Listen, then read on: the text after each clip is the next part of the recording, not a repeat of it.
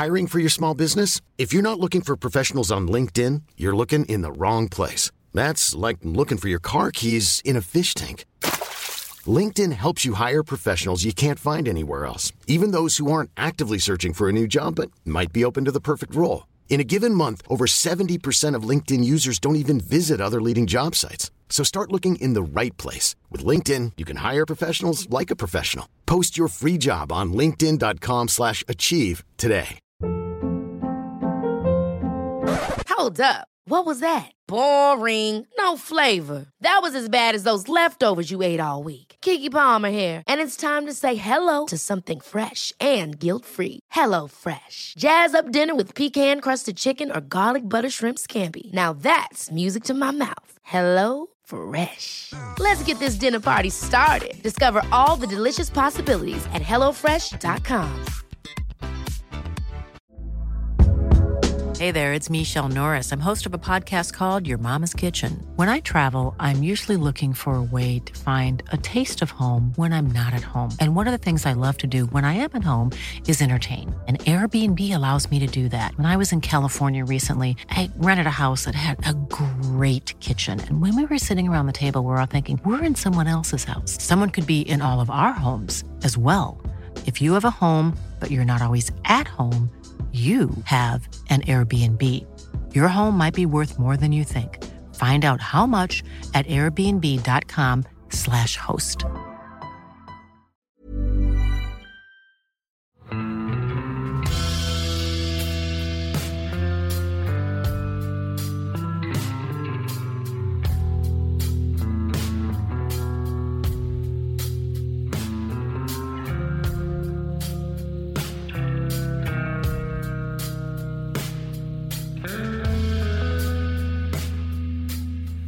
Hei og velkommen til podkasten Uteliv.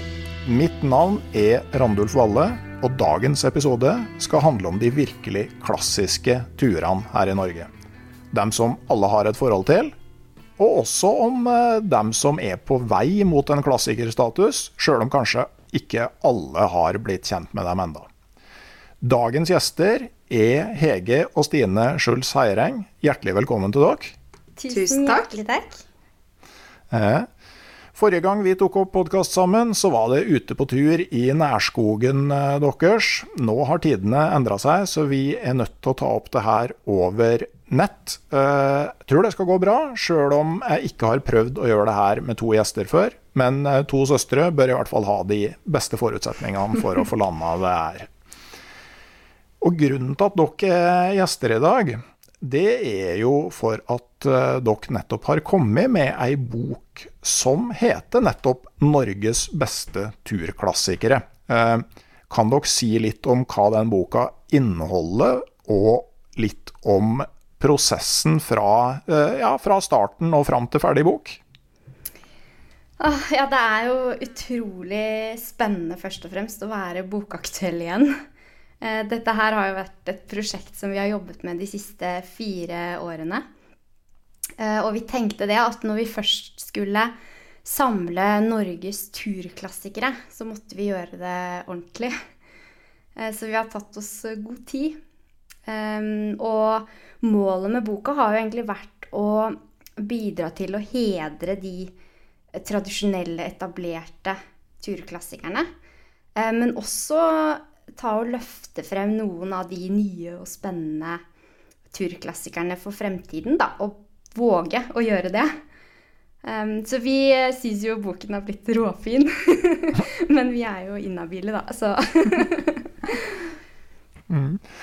Men uh, Stine, altså, hva, hva, er det egentlig som gjør, en, som gjør en tur til en klassiker?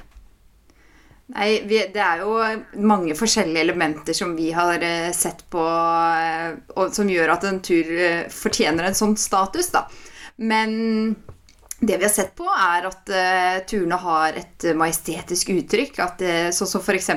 Besseggen, da, hvor du har det glitrende Gjende på den ene siden og det dypblå Bessvann på den andre siden, og den karakteristiske eggen i midten. Eller sånn som Seila på Senja, som har en sånn vertikal fjellvegg som stuper ned i havet. Men andre elementer som vi har sett på, er jo at uh, turene har en spennende historie eller en lang tradisjon, sånn som Gaustatoppen eller Falketind, som ble besteget for 200 år siden. Eh, og vi har også andre turer som følger gamle ferdselsveier, sånn som Aurlandsdalen, Rallarveien, der hvor du passerer gamle setertun, du passerer beitemarker eller buer. Og andre igjen har jo hundretusener av besøkende, sånn som Preikestolen eller eh, ja, Trolltunga. Så, så, det er jo mange elementer som ligger i, bak eh, det begrepet turklassikere. Men felles for alle er jo at de har, at de har en eh, skyhøy opplevelsesverdi. Da. At de er eh, unike og ikoniske og er plassert i spektakulære omgivelser. Er det liksom på en måte eh, friluftsfolkets sikkerstikk, det her? Sånne turer som liksom må gi en stor opplevelse?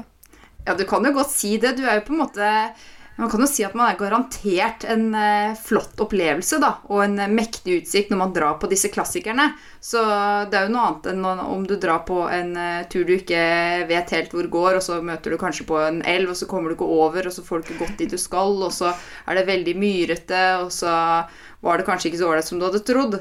Så jeg må jo si det at det å reise på disse turene, det har vært en ganske annen opplevelse enn å Eh, gå disse 100 kortreiste turene hvor vi har eh, rota rundt og prøvd å finne litt sånn nye turer i nærmarka, da. Så her er det du får, eh, du får garantert en flott naturopplevelse når du drar på en av disse turene.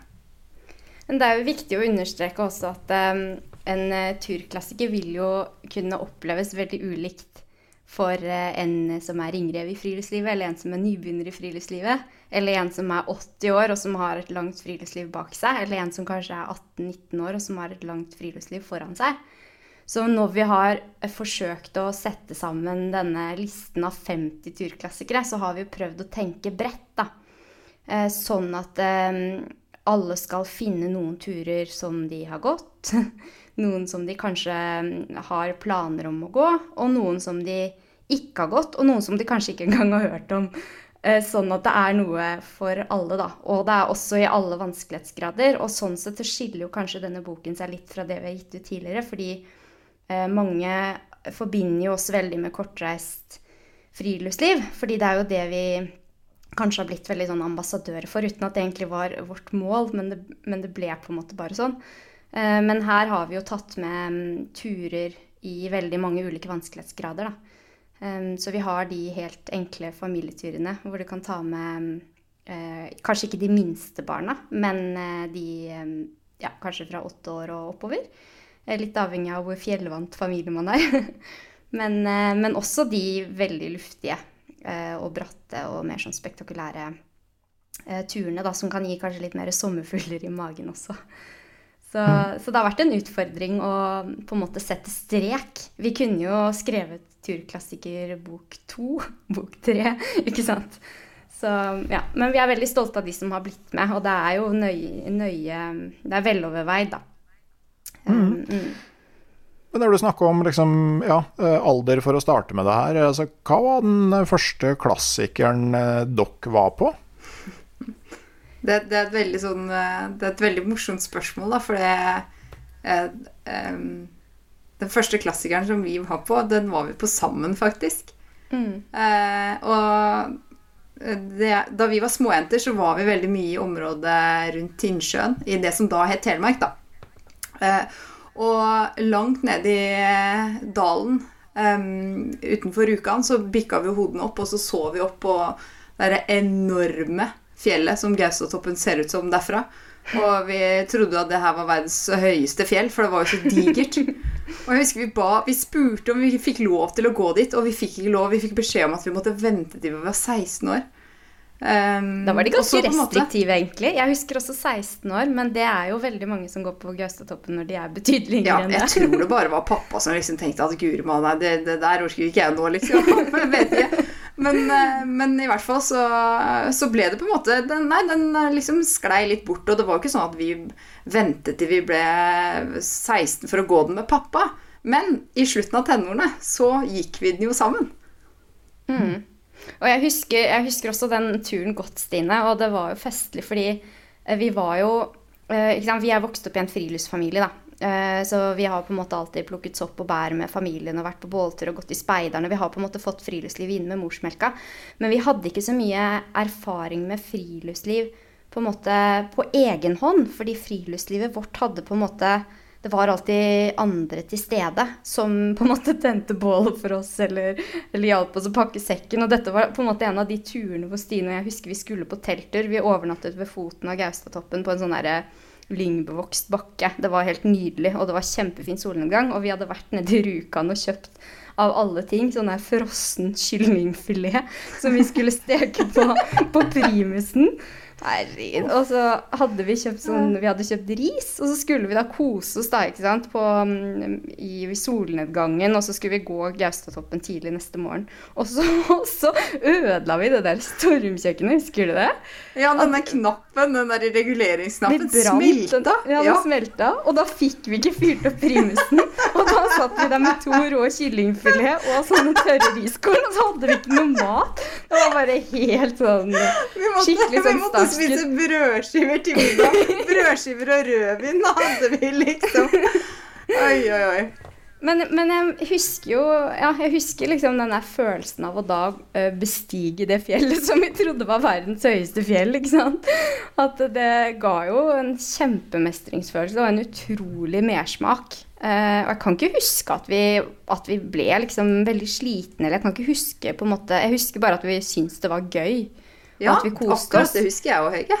Det var sånn, Jeg mm. husker heller ikke at vi var slitne, men jeg husker på en måte jeg husker den myke lyngen ved foten av fjellet, og så husker jeg mm. den enorme utsikten av bare det at det var en sånn veldig sånn stor tur for oss på mange måter. Mm.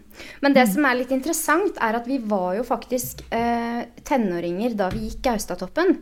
Eh, og det har jeg jo på en måte tenkt litt på, at hvorfor har vi ikke gått klassikere før det. Eh, for da foreldrene våre tok oss på en måte ikke med på turklassikere. Men det som er litt interessant, er at eh, jeg har trodd at jeg har vært på klassikere. og i tillegg så har jeg hatt eh, foreldre, eller har, vi har foreldre, som har snakket utrolig mye om eh, sine opplevelser når de har syklet Rallarveien, og når de har gått Besseggen, og når de har vært på Galdhøpiggen. Så eh, jeg har jo opplevd at turklassikerne har vært en del av familien. Eh, i hele oppveksten, og de har vært en sånn snakkis. Eh, selv om vi da selv ikke gikk vår første turklassiker før vi var tenåringer. Og det tror jeg er litt typisk. Eh, at man har mye meninger og refleksjoner og sånn rundt turklassikerne. Selv om man ikke nødvendigvis har vært der selv. ja, og så har de jo på en måte en sånn funksjon med å binde sammen generasjoner. Ja, ja absolutt. absolutt. Og det er jo det som er litt fascinerende, for jeg tror at det er veldig mange som har hatt besteforeldre, eller kanskje foreldre som har tatt dem med på en turklassiker når de var barn. Og så, når man selv får barn, så ønsker man jo å videreføre den tur turkulturen og den tradisjonen, og så tar man med sine egne barn på de samme turene. Så det er akkurat som om man overleverer stafettpinnen da, fra generasjon til generasjon gjennom disse turene. Og det er jo det, det, det gjør at turklassikere ikke bare skaper bånd eh, innad i familier og mellom venner og kolleger og de som går turklassikere sammen, men også på tvers av generasjoner. da.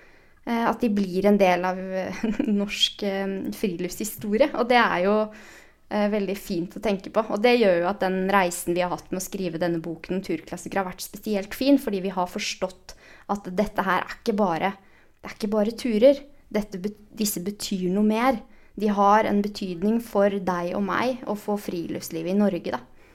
Og ikke minst mhm. også, vi har jo snakket om det, også rekruttering til friluftslivet, Stine. Hvilken betydning turklassikerne har for det. Mm. Ja. Jeg kan jo bare si sånn med generasjoner. altså Min første klassiker Jeg begynte litt før jeg var åtte. Eh, jeg var over Besseggen da jeg var seks. Oi, guri malla. Eh, og så var jeg på Galdhøpiggen da jeg var sju. Ja.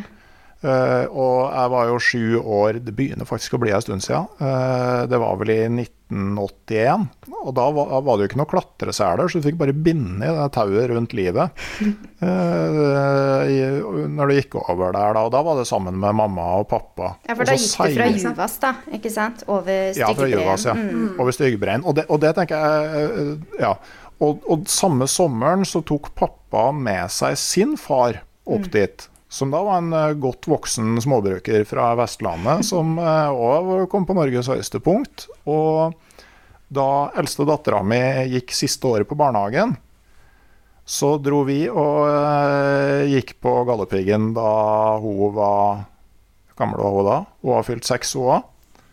Eh, og det var litt artig, da. Og uh, liksom at det da var uh, plutselig fjerde generasjon som, eh, som, eh, som tok den turen fra, fra samme sted. Ja.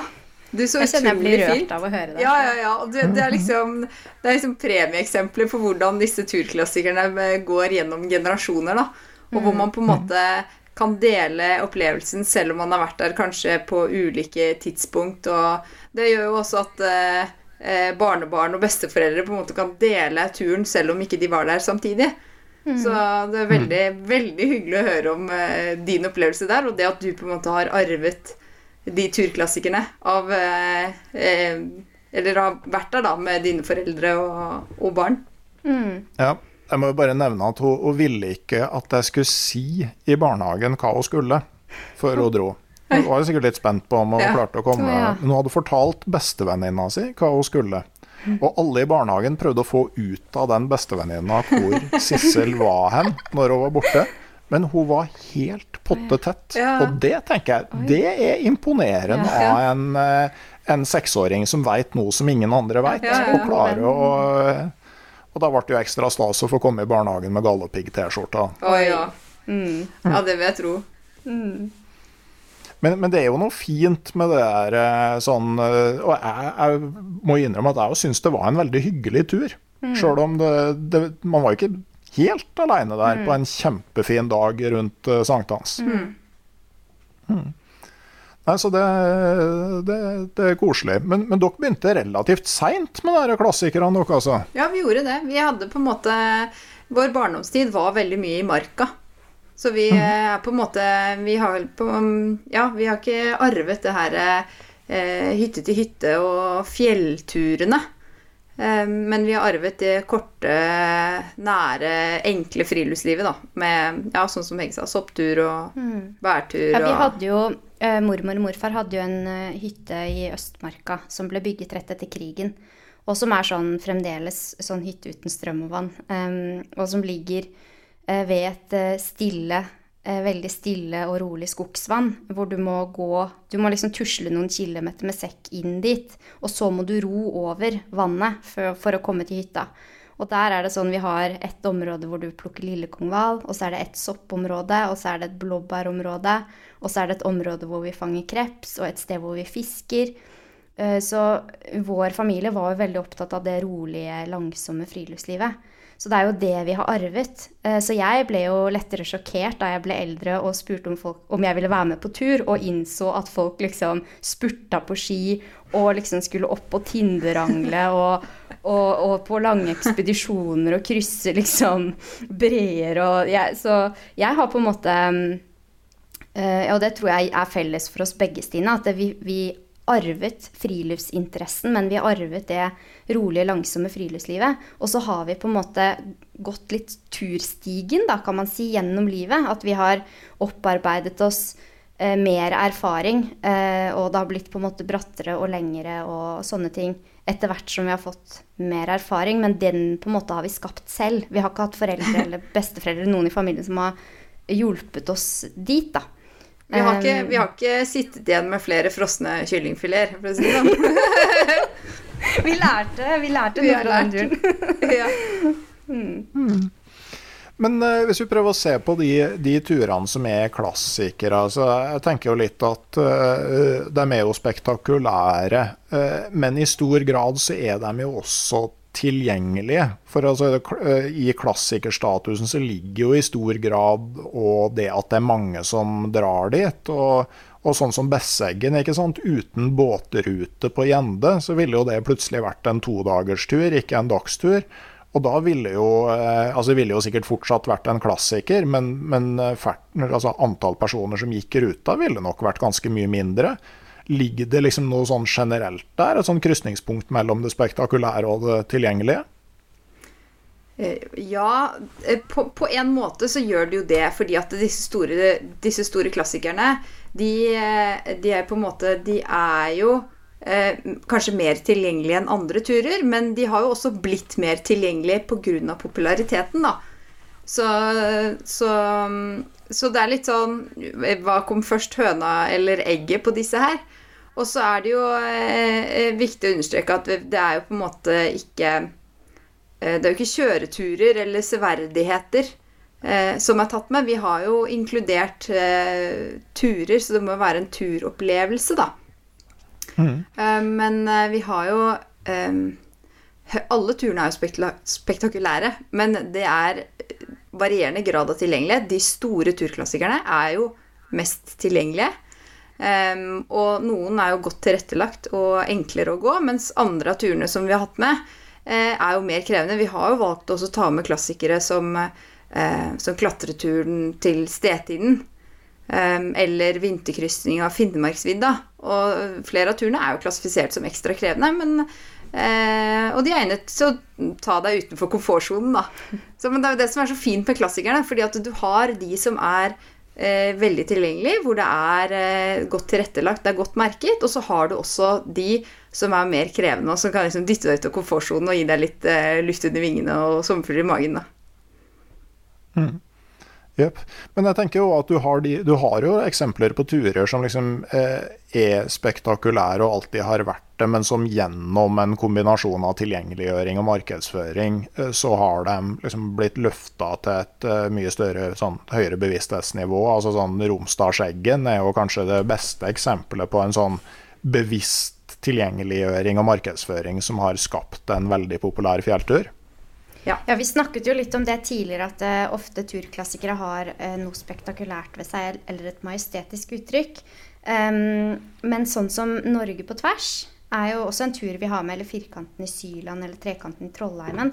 Det er jo sånne turer som ikke nødvendigvis har ett blikkfang. Det er ikke liksom en vertikal fjellvegg eller, eller noe sånt. Men, men, der er det jo noen turistorganisasjoner eller noen lokale som har jobbet iherdig for å skape litt sånn blest rundt rundt et turkonsept da, som må, må, få anledning til å eh, konsolideres litt over tid. At det må eh, At det er en god idé i bånn, og så bedriver man markedsføring, og så kommer det stadig flere, og så er det folk som har fått gode opplevelser fra f.eks. den Norge på tvers-turen, fra Stjørdal til svenskegrensa.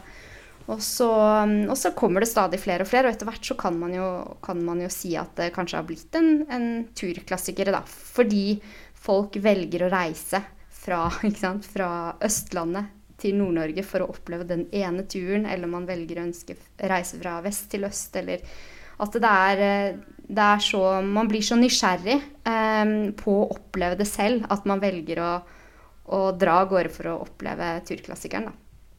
Mm. Og så må det jo altså, Du kan jo på en måte ikke Det er jo ikke bare markedsføring som kan løse det. altså Det må jo ligge noe som er verdt å oppleve i, i bunn. Ja, absolutt. absolutt. Men det trenger ikke alltid å være et blikkfang. Det kan jo bare være sånn som i Syland, hvor du har et sånt fantastisk bølgete uh, vidd, Nesten sånn, ja, vel, nydelig landskap, da, hvor det er egentlig veldig lettgått terreng. Men så går du rundt Sylmassivet, som er kjempespektakulært. Og så følger du jo merkede stier både på norsk og svensk side av grensen. Og det er også litt sånn, det er spennende da, når du er i grenseområdene mellom Norge og Sverige og krysser svenskegrensa med sekken på ryggen og besøker turistforeninghytter også på svensk side av grensen, hvor det er en helt annen hyttekultur og en helt annen turkultur. Um, så det er jo noe ved, ved Ja, alle turklassikerne har noe ved seg, men det er ikke nødvendigvis det samme. Uh, men det er noe som gjør at man blir nysgjerrig, da. Mm, stemmer det at du må booke plass på svenske turistforeningshytter? Sånn, uh... Ja, der er det annerledes enn på norsk side. Der må du booke plass. Nå må man riktignok booke plass i Norge òg, pga. korona. mm. mm. La oss håpe at vi snart er, er over eh, det. Eh, men så har du jo altså, jeg tenker jo sånn Når det gjelder grunnen til at ting blir populært, så har du jo de som måte, alltid har vært populære. Som eh, liksom Galdhøpiggen, Besseggen, Glittertind. Altså, de, de, har alltid vært der. Og så har du jo de som, som er et resultat av bevisst markedsføring. Men i dag så har du jo òg de som bare plutselig tar av på nett, og da spesielt på sosiale medier. Og der er vel kanskje Trolltunga det, det, det mest markante eksempelet. Ja, man har jo um, Man har jo latt seg inspirere av ulike kilder til ulike tider, og det er som du sier, noen, noen turklassikere har man jo er det jo et resultat av en god markedsføring, og at man har et eh, kall det produkt, da, som er veldig salgbart. Men eh, altså, tidligere lot man seg jo kanskje inspireres av kunstnerne som reiste til fjells og lagde vakre nasjonalromantiske malerier, da, sånn, som, eh, sånn som Flinto av, av maleriet hans fra Aulandsdalen eller, eller eh, 'Vinternatt i Rondane', som inspirerte folk til å dra til de turområdene. Men eh, i dag så vil man jo i større grad eh, inspireres av eh, f.eks. at det legges ut på sosiale medier, og at man har noen ikoniske bilder eh, som gjør folk nysgjerrig, da. Og som gjør at eh, folk har lyst til å dra dit. Og i tillegg så tror jeg at eh, det at noen deler på sosiale medier at man har vært på et fjell, og så ser du liksom Oi, har hun klart å gå på det fjellet? Ja, men da, da burde jo kanskje jeg også få til det, hvis, hvis, hun har fått det til. Så at man liksom man blir litt sånn nysgjerrig og tenker sånn Ok, da, da klarer man liksom å ha en sånn slags referanse. Både fordi at man kjenner turene, men også fordi at man da ser at man kjenner noen som har gått der, og så kan man på en måte gjøre seg opp en mening da, om det er mulig for en selv å gå dit. Eh, og det tror jeg gjør at uh, turene får, en, eh, får den populariteten også, da. Ja, for, for, det er jo sånn at uh, de her klassikerne, de, de brukes jo på, som en referanse turfolk imellom. ikke sant? At hvis du, uh, hvis du, skal ut på en fjelltur, så er jo ofte spørsmålet altså, er det mer eller mindre luftig enn turen over banen på, på Besseggen. Og, og, uh, og, så vet du ikke nødvendig, du har ikke nødvendigvis gått Besseggen sjøl, men du vet om noen som har gjort det, som du kan relatere deg sjøl til. Og så kan du liksom bruke det til å finne ut om du kan være med på den andre turen. Ja, absolutt. Det er, de jo, og det er jo egentlig veldig interessant, for da kan du liksom regulere litt da, ut fra, fra hva Altså andres oppfatning av turen. Og det er jo også sånn at hvis du har gått Besseggen, så vet du at eh, ok, da kan du kanskje også gå Romsdalseggen. Fordi at antallet høydemeter og antallet kilometer er ikke så veldig ulikt. Eh, den, liksom, den ene har litt flere luftige partier, eh, mens den andre har, er litt lengre i antall kilometer. Og det er også det som er så fint med turklassikerne. fordi da kan man på en måte Jeg skulle jo gå Romsdalseggen for noen år tilbake, og så hadde jeg en kollega som hadde gått den bare en måned tidligere. Og da kunne jeg snakke med henne, og så fortalte hun hvordan hun hadde opplevd turen. Og så tenkte jeg ok, når hun opplever turen sånn, så tenker jeg at da har jeg en viss forventning om hvordan jeg kan oppleve turen. Og så dro jeg på turen, og så delte jeg jo det med henne da jeg kom tilbake. Og da kunne vi liksom snakke litt om det, og så har vi på en måte etablert en slags relasjon og noen felles minner fra den turen, selv om vi har gått dit til forskjellig tidspunkt. Eh, og det har vi også på en måte brukt litt bevisst i boka, hvor vi har kategorisert de ulike vanskelighetsgrader, sånn at folk kan på en måte, Hvis du har gått én tur i den vanskelighetsgraden, og så kan du se på en måte at de turene som ligger rett i nærheten av den du har gått tidligere, så kan du mest sannsynlig også mestre de, da. Mm. Jeg vil bare litt tilbake til det du sa om altså sånn I gamle dager så var det billedkunstnerne som eh, dro folk ut på tur, og så nå er det, nå er det Instagram, da, for å eh, si det litt sånn grovt. Og så tenkte jeg først at eh, ja, ja, når du ser på de her bildene som spesielt de kunstnerne som var med på polarekspedisjoner kom tilbake med, så, så var det jo veldig enkelt å ljuge på den tida.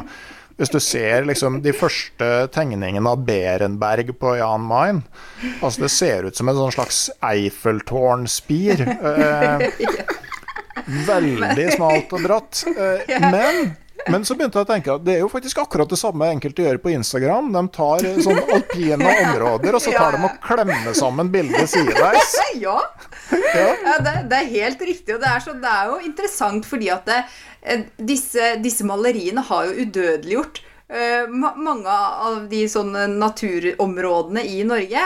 Men du ser jo også der at de har, de, de har liksom en sånn utrolig vakker lyssetting.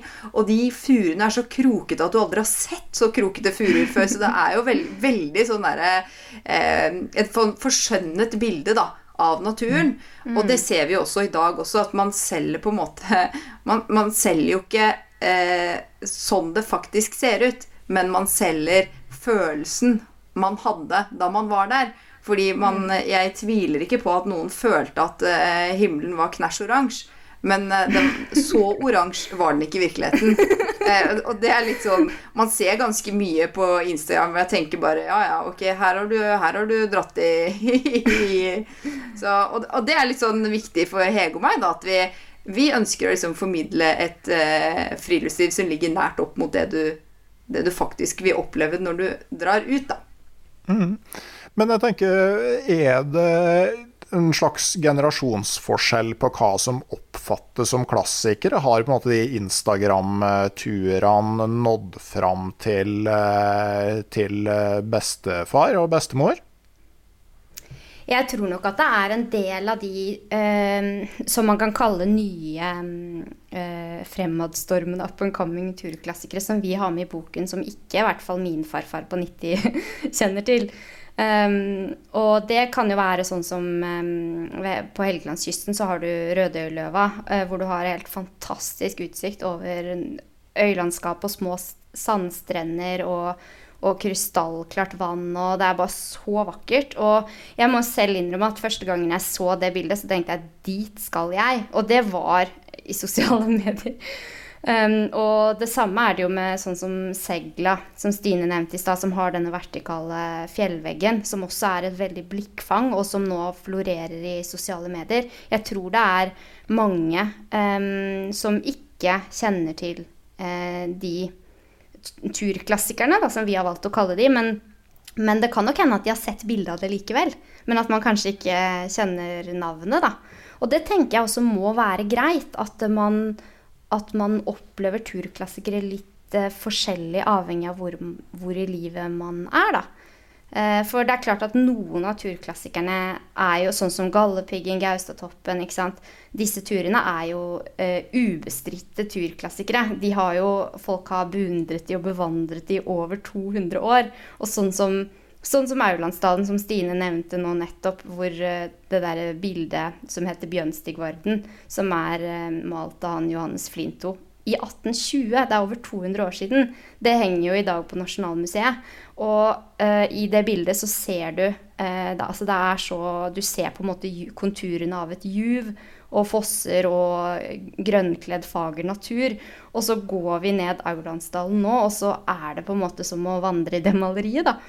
Um, så ja.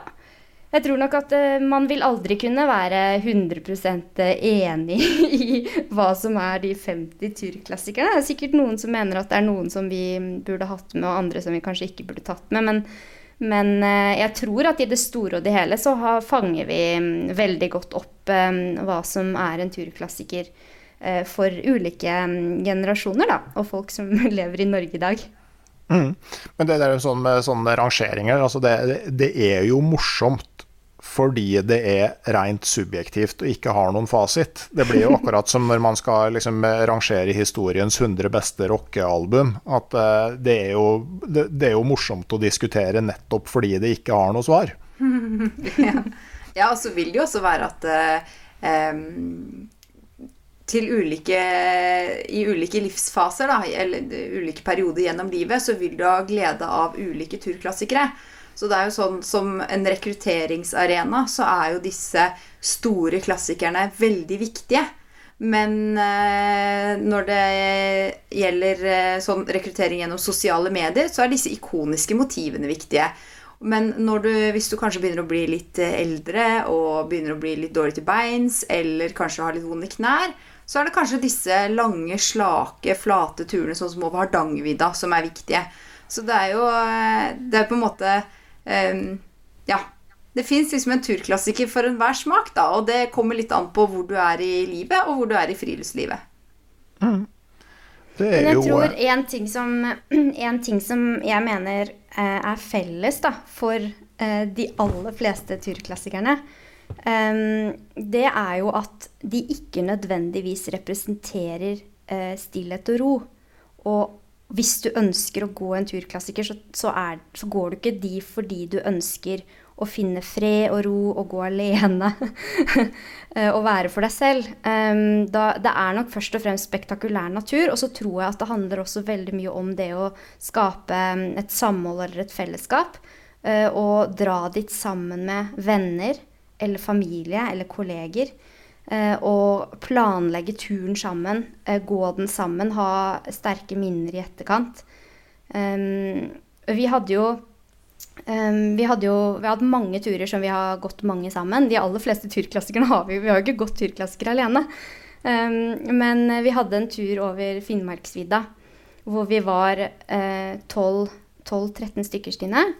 Uh, hvor vi var helt ukjente og fremmede for hverandre, som man ofte er når man går en eller annen arrangert tur.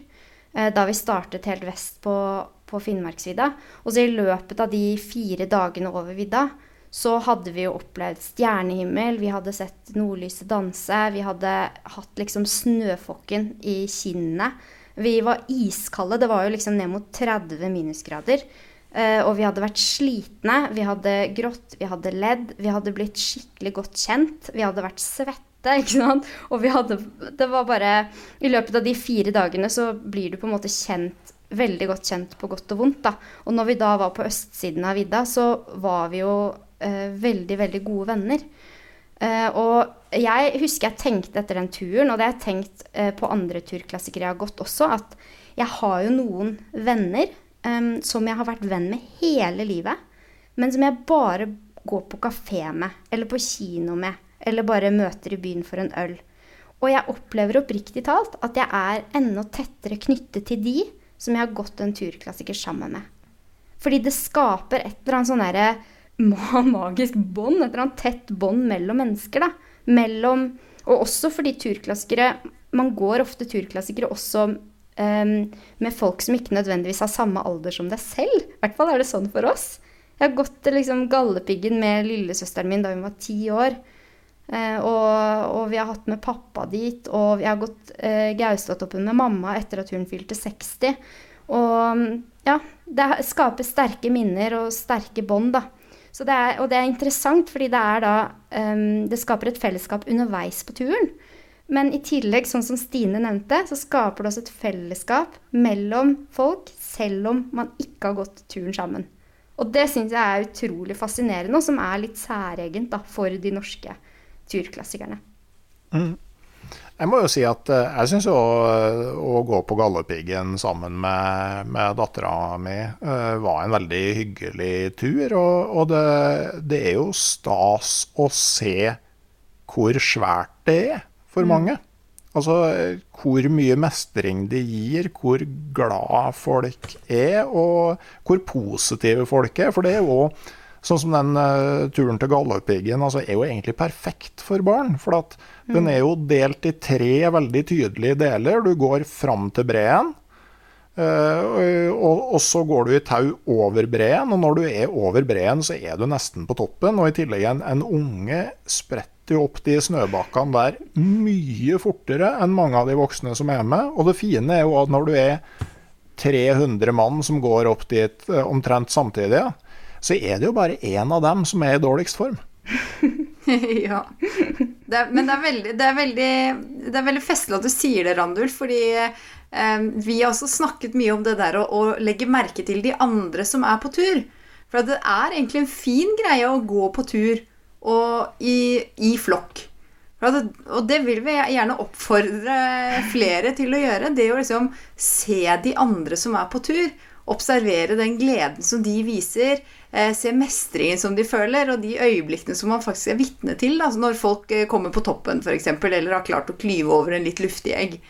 Og, og, det også Men man kan jo også observere dem når de kanskje ikke er på av sin beste utgave av seg selv. Da. For man kan jo også uh, observere kanskje noen som har gått tom, eller som ikke liksom er helt på høyden når de er på tur. Og det har vi jo Eh, vi har jo noen eksempler hvor, eh, hvor eh, mannen min Even og jeg var på topptur og så et par som gikk litt foran oss, hvor hun lå 20 meter bak han oppover lia.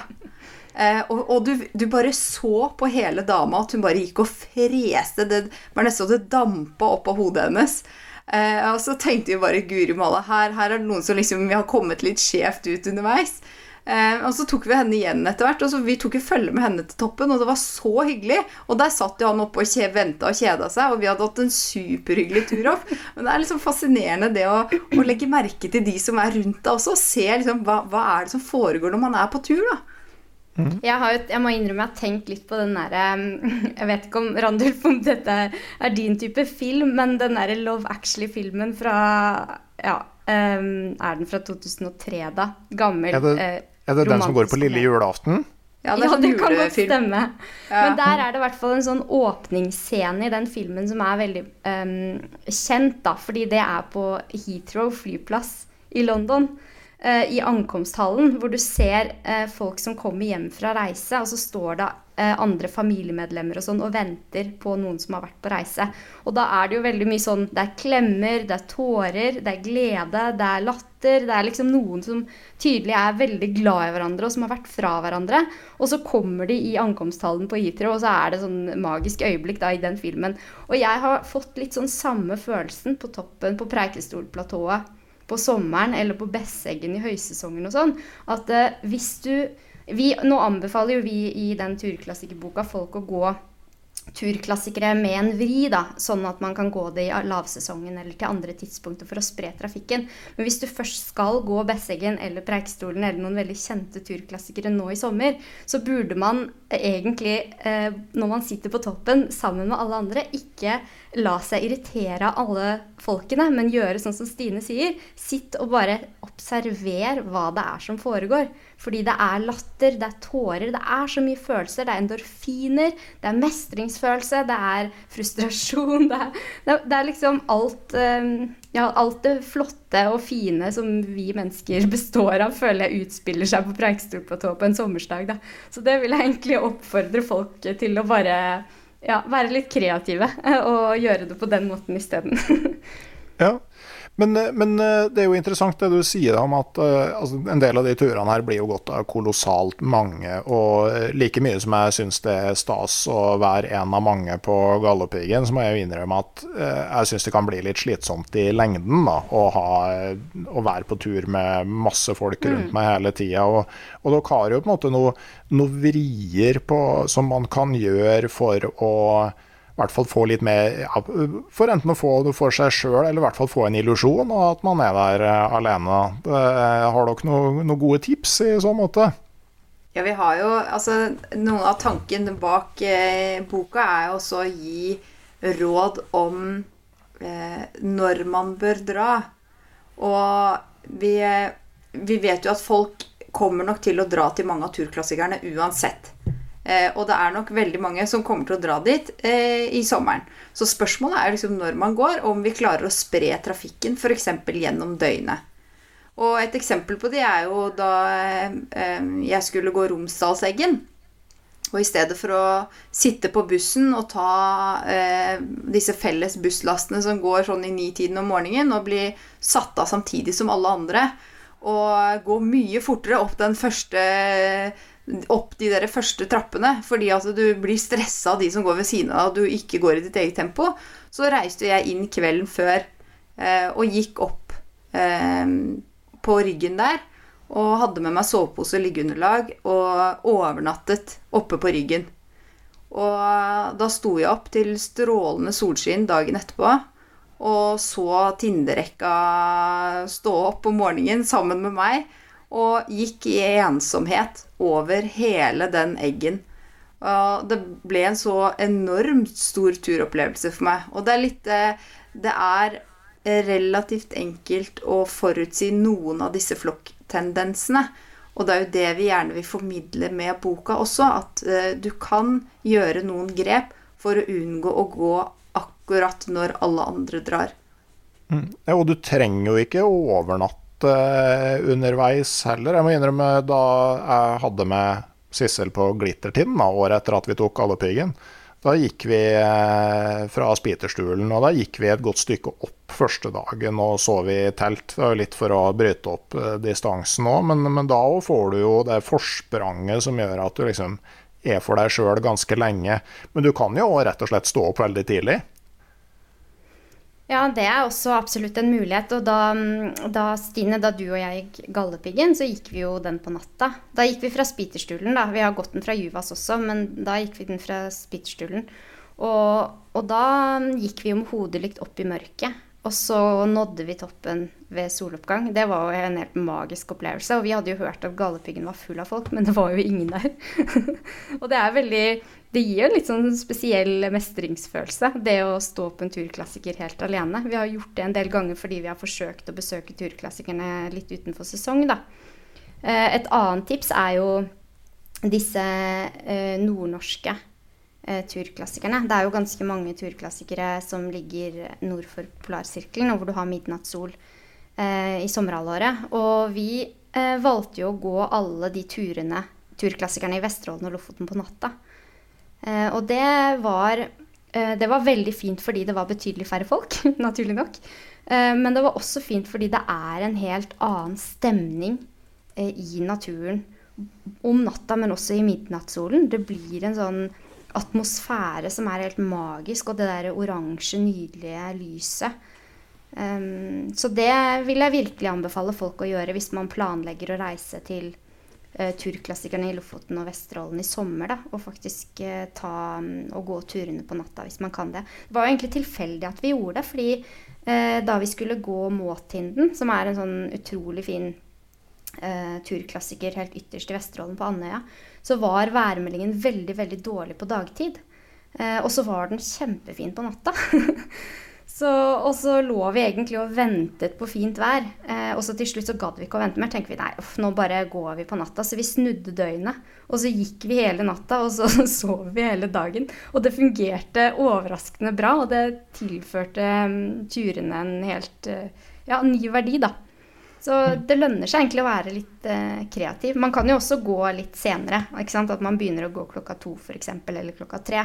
Istedenfor å Altså hvis du, hvis du eh, hvis du spiser frokost med alle de andre på spiterstuen klokka åtte, så kan du banne på at det går i flakk opp til toppen. Så det er noe med det å kanskje prøve å tenke litt eh, ja, når hordene ikke går, da. Ja, så hadde jo en ja hadde jo en episode med Gry Folge som, eh, som, går lange, lange, lange turer. Og hun hadde jo da et triks med å ha klokka på halv seks, og så ligge og kjenne i snaut to minutter på hvor godt det var å ligge i soveposen, og så røske ut uh, ventilen på liggeunderlaget og være ute i løpet av en halvtime og gå ei og en halv mil før, før frokost. Oh, da, er, da, det, det, må jo være en oppskrift på å få eh, området ganske greit for seg sjøl, da. Ja, det, det høres ut som et mareritt for meg, for jeg er så B-menneske.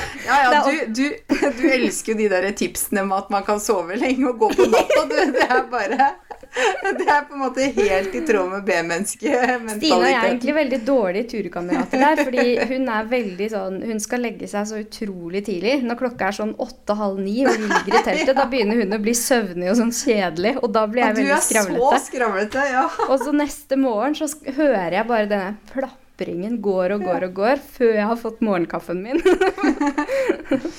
Men når vi snakker om sånne eh, altså tips og råd om hva, eh, hva, vi anbefaler folk å gjøre, så har vi også en ting som vi ikke vil anbefale folk å gjøre. Eller som vi vil anbefale at de ikke gjør. Og det er å endre startpunkt og gå motsatt vei på flere av disse klassikerne. Fordi at eh, hvis du går motsatt vei av det alle andre gjør, så vil du liksom møte på hele strømmen. Og da vil trengselsfølelsen bli mye større enn om du liksom følger den. Så, så så er det jo en grunn til at de går den veien de gjør. En del sånn som Besseggen, Besseggen, hvis du skal ned banen i stedet for opp, så er det Hvis du er, har litt sånn sommerfugler i magen når det blir luftig, så blir det ikke noe bedre at du går ned det bratte partiet i stedet for opp. Nei, absolutt ikke når du må passere massevis av folk på vei ned heller. Så det, så det vil, vi, vil, vi, ikke anbefale da. Men, men, når det er sagt, vi har, jo, vi har jo tatt med Det er jo 50 turer som er med i boka. Og vi ønsker jo også å bidra til at eh, folk sprer seg på flere turer. At de kanskje ikke drar bare på de ti mest populære og de største klassikerne. Men det finnes flere klassikere å ta av. Og, og vårt råd vil jo kanskje også være at man kanskje tar noen av de mindre kjente klassikerne i år, da.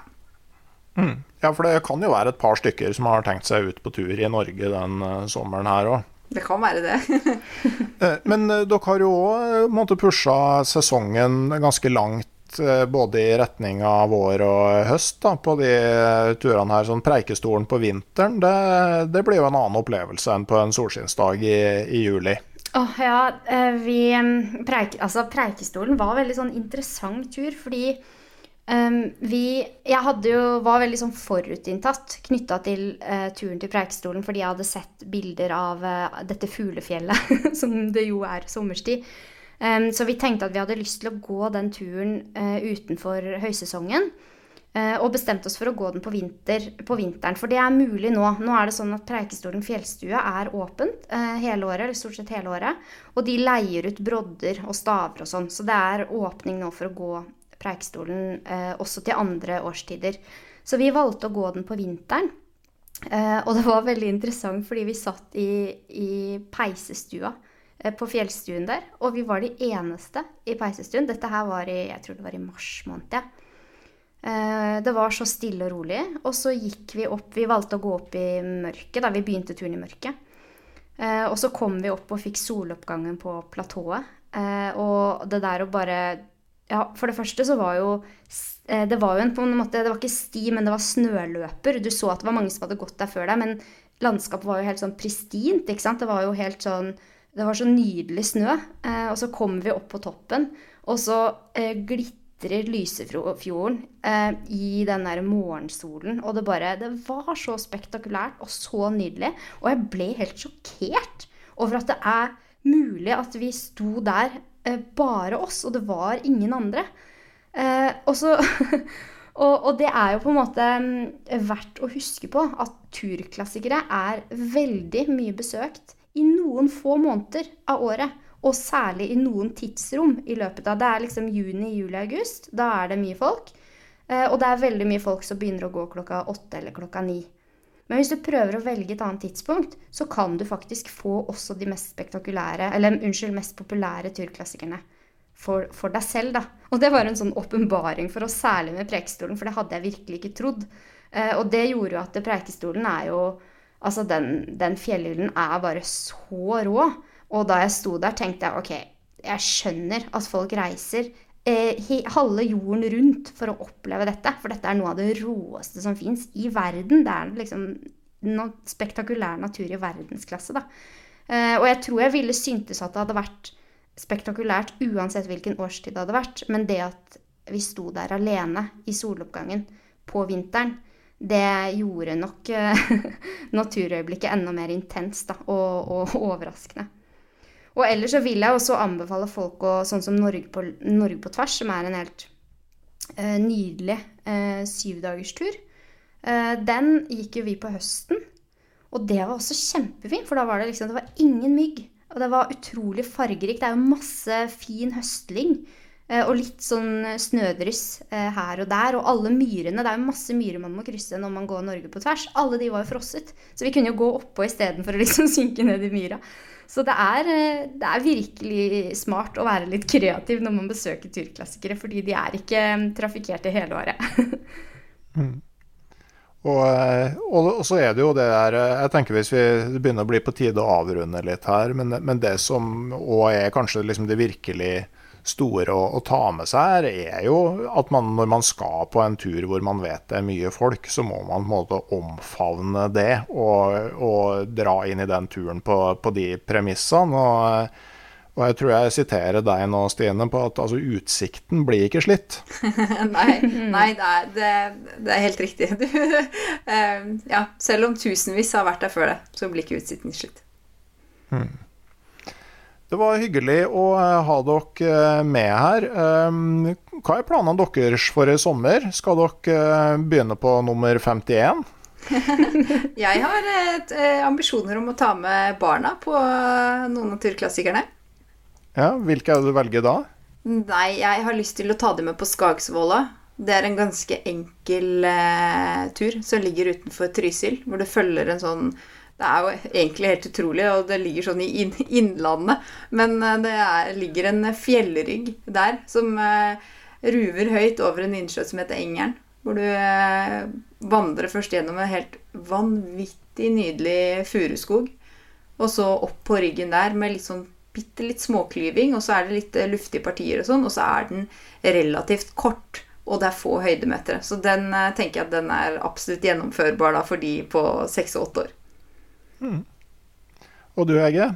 Eh, jeg skal til en øy i Vesterålen hvor det er bare en håndfull fastboende.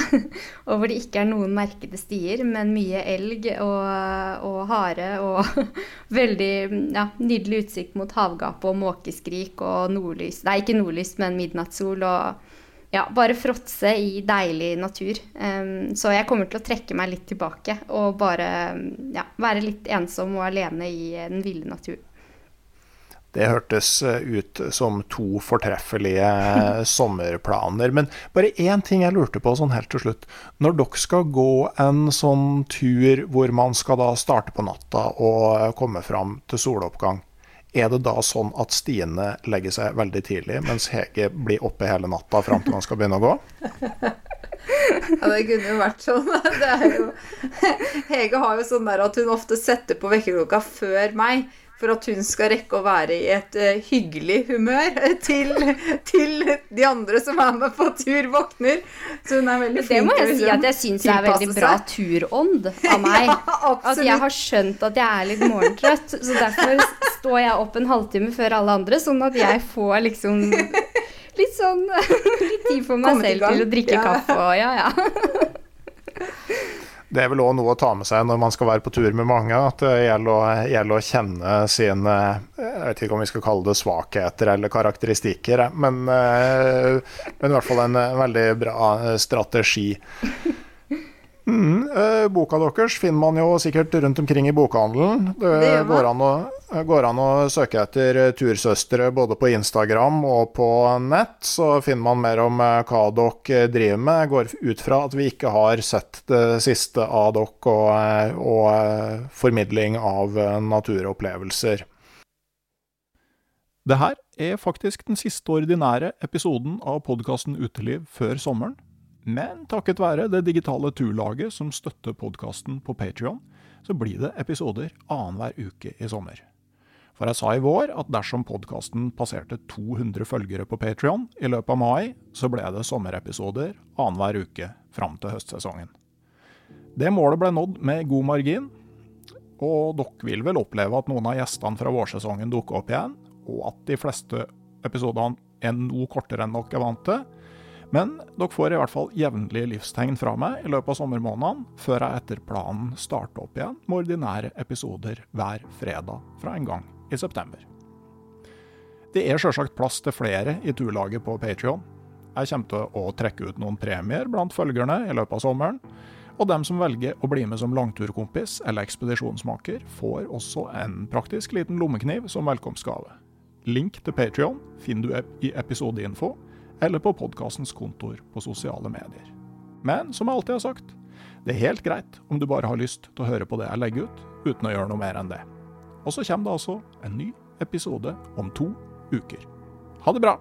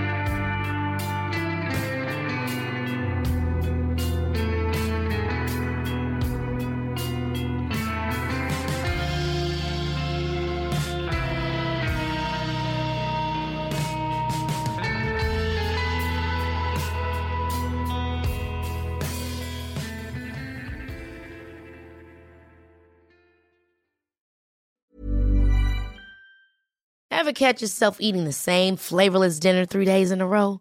Dreaming of something better? Well, HelloFresh is your guilt-free dream come true, baby. It's me, Kiki Palmer. Let's wake up those taste buds with hot, juicy pecan-crusted chicken or garlic butter shrimp scampi. Mm. Hello Fresh. Stop dreaming of all the delicious possibilities and dig in at HelloFresh.com. Let's get this dinner party started.